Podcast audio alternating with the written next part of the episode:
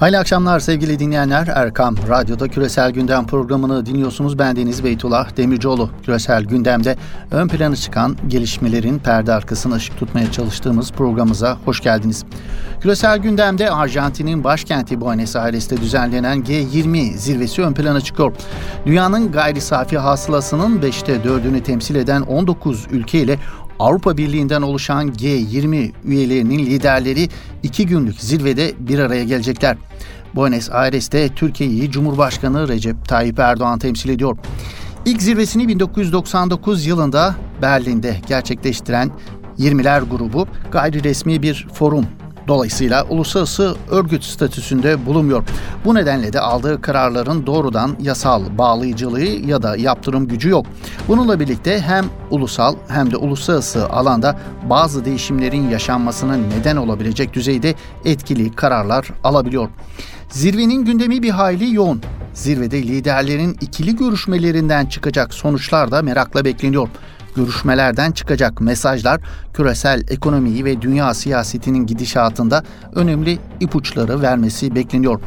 Zirvenin gündeminin yoğunluğu kadar Cumhurbaşkanı Erdoğan'ın zirvede dünya liderleriyle gerçekleştireceği görüşme trafiğindeki yoğunluk da dikkat çekiyor. Erdoğan ilk olarak bu akşam Türkiye saatiyle 22'de ABD Başkanı Donald Trump ile bir araya gelecek. İki liderin 20 gün arayla yüz yüze gerçekleştireceği bu ikinci görüşmede birçok konu masada olacak. Görüşmeden kritik sonuçlar çıkabileceği beklentisi dillendiriliyor. Erdoğan'ın görüşme trafiğinde İngiltere Başbakanı Theresa May, Almanya Başbakanı Angela Merkel'de bulunuyor. Cumhurbaşkanı Recep Tayyip Erdoğan cumartesi günü de Rusya Devlet Başkanı Vladimir Putin ile bir görüşme gerçekleştirecek.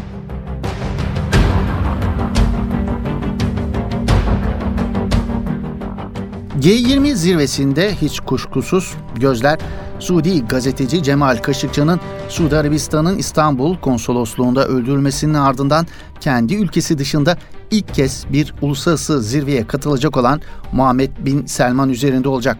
Veliaht Prens her ne kadar G20 zirvesi öncesi Birleşik Arap Emirlikleri, Tunus ve Mısır'a ziyarette bulunsa da dünyanın en önemli ülkelerinin liderleriyle ilk kez yüz yüze bir görüşme gerçekleştirmeye çalışacak. Muhammed Bin Selman G20 vesilesiyle uluslararası kamuoyunda kendisine meşruiyet sağlamayı amaçladığı dillendiriliyor. Ayrıca 2020 G20 zirvesinin Riyad'da yapılacağı da göz önüne alındığında Arjantin zirvesi Suudlar açısından büyük önem arz ediyor. Suudi Arabistan'ın 6 uçak dolusu ve 400 kişiden oluşan bir heyetle Arjantin'e gelmesi de dikkat çekiyor. Muhammed Bin Selman'ın ikamet olarak otel yerine kendi büyükelçiliğini seçmesi kimi Arap medyası tarafından Muhammed Bin Selman neden endişeleniyor sorusunu gündeme taşımış vaziyette. Öte yandan Cumhurbaşkanı Erdoğan'ın Muhammed Bin Selman ile görüşüp görüşmeyeceği de merak konusu. Muhammed Bin Selman'ın Erdoğan'dan görüşme talebinde bulunduğu dillendiriliyor. Görüşme için bir engel görmediklerini belirten Dışişleri Bakanı Mevlüt Çavuşoğlu son kararı Erdoğan'ın vereceğini açıklamıştı. Kaşıkçı cinayetinde Muhammed Bin Selman'ın bir rolü olduğuna yönelik uluslararası arenada güçlü kanaatler dillendirilirken Türkiye cinayetin sorumlusu olarak herhangi bir isim telaffuz etmemekle birlikte cinayeti işleyen ekibin yönetimden habersiz hareket etmesinin mümkün olmadığını ve emri verenin mutlaka ortaya çıkartılması gerektiğini belirtiyor. Cumhurbaşkanı Erdoğan'ın Muhammed Bin Selman ile görüşüp görüşmeyeceği merak konusu. Dünya medyasının açıklamalarına en çok dikkat edeceği liderin de Erdoğan olacağı muhakkak gibi gözüküyor. Öyle ki zirve öncesi ABD medyasında Muhammed Bin Selman'ın akıbetinin Erdoğan'ın elinde olduğu yönündeki haberler dikkat çekiyor. Bu arada sevgili dinleyenler Muhammed Bin Selman'ın protestolar nedeniyle sadece bir saatlik Tunus ziyaretinin ardından Riyad yönetimi Tunus'a 500 milyon dolarlık kredi sağlandığını ve 140 milyon dolarlık iki projeye de destek olacaklarını açıkladı.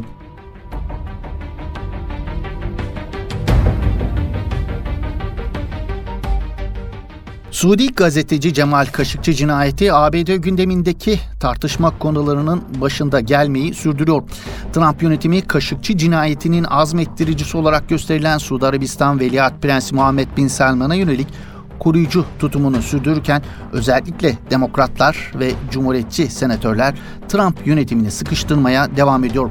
Trump yönetiminin Cemal Kaşıkçı cinayetini örtme çabaları kendi partisindeki cumhuriyetçi senatörleri bile rahatsız etmiş durumda. ABD Senato Diş İlişkiler Komisyonu'nun gündeminde Cemal Kaşıkçı cinayeti vardı. Kaşıkçı cinayeti özel oturumunda kongre üyeleri Dışişleri Bakanı Mike Pompeo ve Savunma Bakanı Jim Mattis'i dinledi. Kapalı kapılar ardında gerçekleştiren oturuma CIA Başkanı Gini Haspel'in katılmaması eleştiri konusu oldu. Haspel'in oturuma katılmasını Beyaz Saray'ın engellediği ileri sürüyor. ABD yönetiminin senatoya yaptığı Yemen ve Cemal Kaşıkçı sunumunda Dışişleri Bakanı Mark Pompeo ve Savunma Bakanı James Mattis Cemal Kaşıkçı cinayeti yüzünden Suudi Arabistan ile ilişkilerin bozulmamasını isterken kongre cinayetin üstünün örtülmesine karşı çıktı.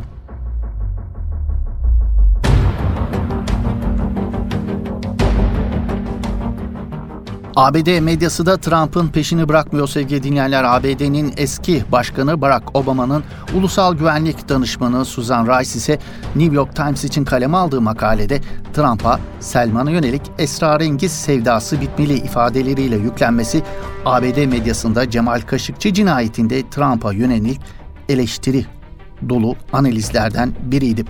Cemal Kaşıkçı cinayetinin ardından Suudi Arabistan-Amerikan ilişkilerinin mercek altına alındığına ve ABD Suudi Arabistan Veliaht Prensi Muhammed Bin Selman ile işbirliğini sürdürebilir mi sorusunun sorulmaya başlandığına işaret eden Rice, genç prensin Kaşıkçı cinayetinde neredeyse kesin olan suçluluğu aşırı derecedeki pervasızlığını ve ahlaksızlığını ortaya koyarken ABD için tehlikeli ve güvenilmez bir ortak olduğunu açığa çıkarıyor değerlendirmesinde bulundu. Bu bağlamda dikkat çeken bir başka değerlendirme ise ABD'nin eski Dışişleri Bakanı ve 2016 başkanlık seçimlerinde Demokrat Parti'nin adayı Hillary Clinton'dan geldi.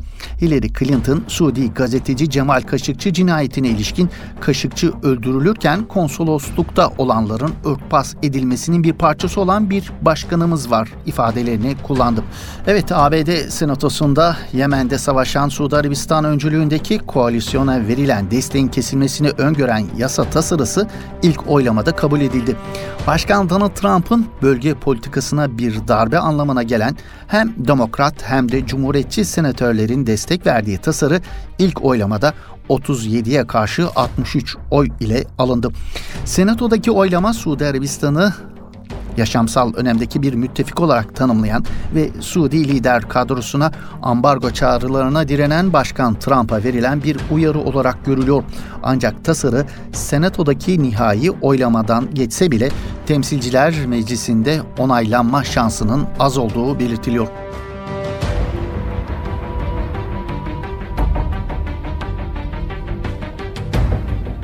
Evet, Ukrayna-Rusya gerilimi küresel gündemde bir hayli yer buluyor kendine. Rusya'nın Karadeniz ve Azov Denizi arasındaki Kerç Boğazı'nda Ukrayna donanmasına ait 3 tekneye ateş açıp ve mürettebatını gözaltına almasının ardından Karadeniz'de Rusya ile Ukrayna arasındaki yüksek tansiyon yükselmeye devam ediyor. Ukrayna Devlet Başkanı Preshenko krizin ardından Ukrayna'nın sınır bölgelerinde 30 günlük sıkı yönetim ilan etmişti. Poroshenko son olarak NATO'ya Rusya ile yaşanan çatışmanın ardından Kırım açıklarındaki Azov denizine savaş gemileri yollama çağrısında bulundu. Poroshenko'nun NATO'dan yardım talebinde bulunmasına Rusya ise Rusya-Ukrayna sınırındaki S-400 füzelerini aktifleştirerek cevap verdi. Uzun zamandır Rusya-Ukrayna arasındaki gerilimin yeniden tırmanışa geçmesinin perde arkasında ne var? Ukrayna Devlet Başkanı'nın ifadelerine göre Rusya Devlet Başkanı Vladimir Putin eski Rusya'yı geri istiyor ve bu nedenle gerilimi tırmandırıyor. Poroshenko, Vladimir Putin'i ülkesini tamamen ilhak etmeye çalışmakla da suçluyor. Almanya basınına verdiği röportajda Putin'i yalancılıkla suçlayan Poroshenko, Putin Rus İmparatorluğunu geri istiyor. Kendisini de Rus çarı gibi görüyor fakat onun imparatorluğu Ukrayna olmadan işlevsiz kalır. Bizi kolonisi olarak görüyor diyor. Kendini Rusya İmparatorluğu'nun lideri olarak gördüğü iddia edilen Vladimir Putin ise Ukrayna Devlet Başkanı'nı provokasyon yapmakla suçluyor. Putin, Karadeniz'de yaşanan gerginliğin gelecek yıl Mart ayında Ukrayna'da yapılacak seçimleri manipüle etme niyetiyle tertiplenmiş bir provokasyon olduğunu belirtiyor. Putin'e göre tahminlere göre 5. sırada görünen Poroshenko provokasyon yaparak kaybettiği oyları geri almaya çalışıyor.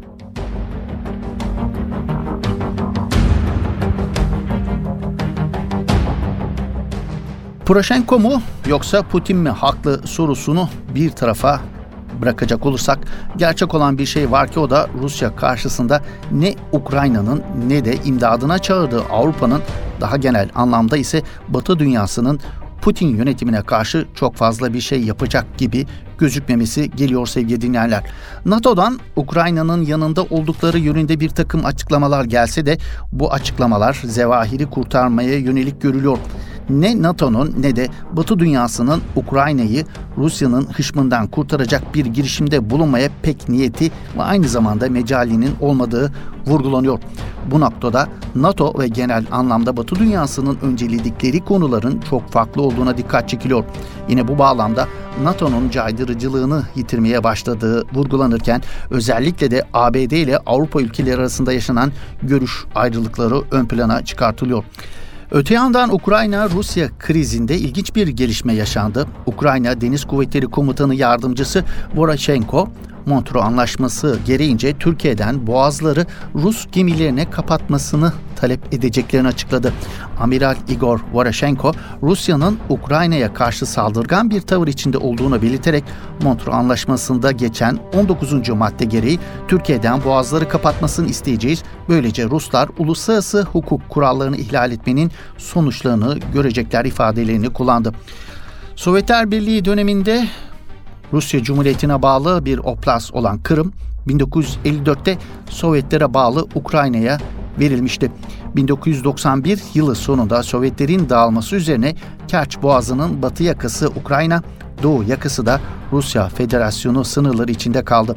2014'te Rusya'nın Kırım'ı ilhakı sonucu Boğaz'ın kontrolü tekrar Rusya'ya geçti.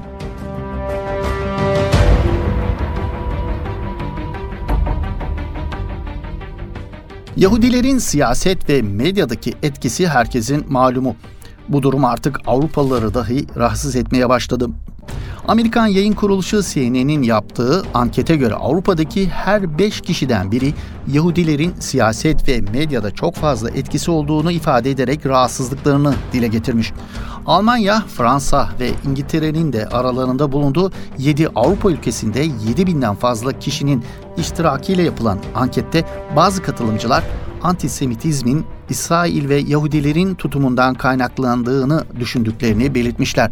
Eylül ayında yapılan ankete katılanların sadece %10'u Yahudilere karşı olumsuz düşünceye sahip olduğunu dile getirirken %32'si Yahudi soykırımını amaçlarına ulaşmak için kullandığına inandıklarını ifade etmişler. Katılımcılardan %28'i ülkelerindeki antisemitizmin İsrail'in faaliyetleri sebebiyle ortaya çıktığını, %18'i de buna Yahudilerin tutumunun sebep olduğunu kaydetmiş. Ankete katılan her 5 kişiden biri Yahudilerin siyaset ve medyada çok fazla etkili olduğunu ifade ederek rahatsızlığını dile getirmiş. Katılımcıların yaklaşık dörtte biri de Yahudilerin dünyadaki çatışma ve savaşlarda etkisi olduğuna inandıklarını ifade etmişler.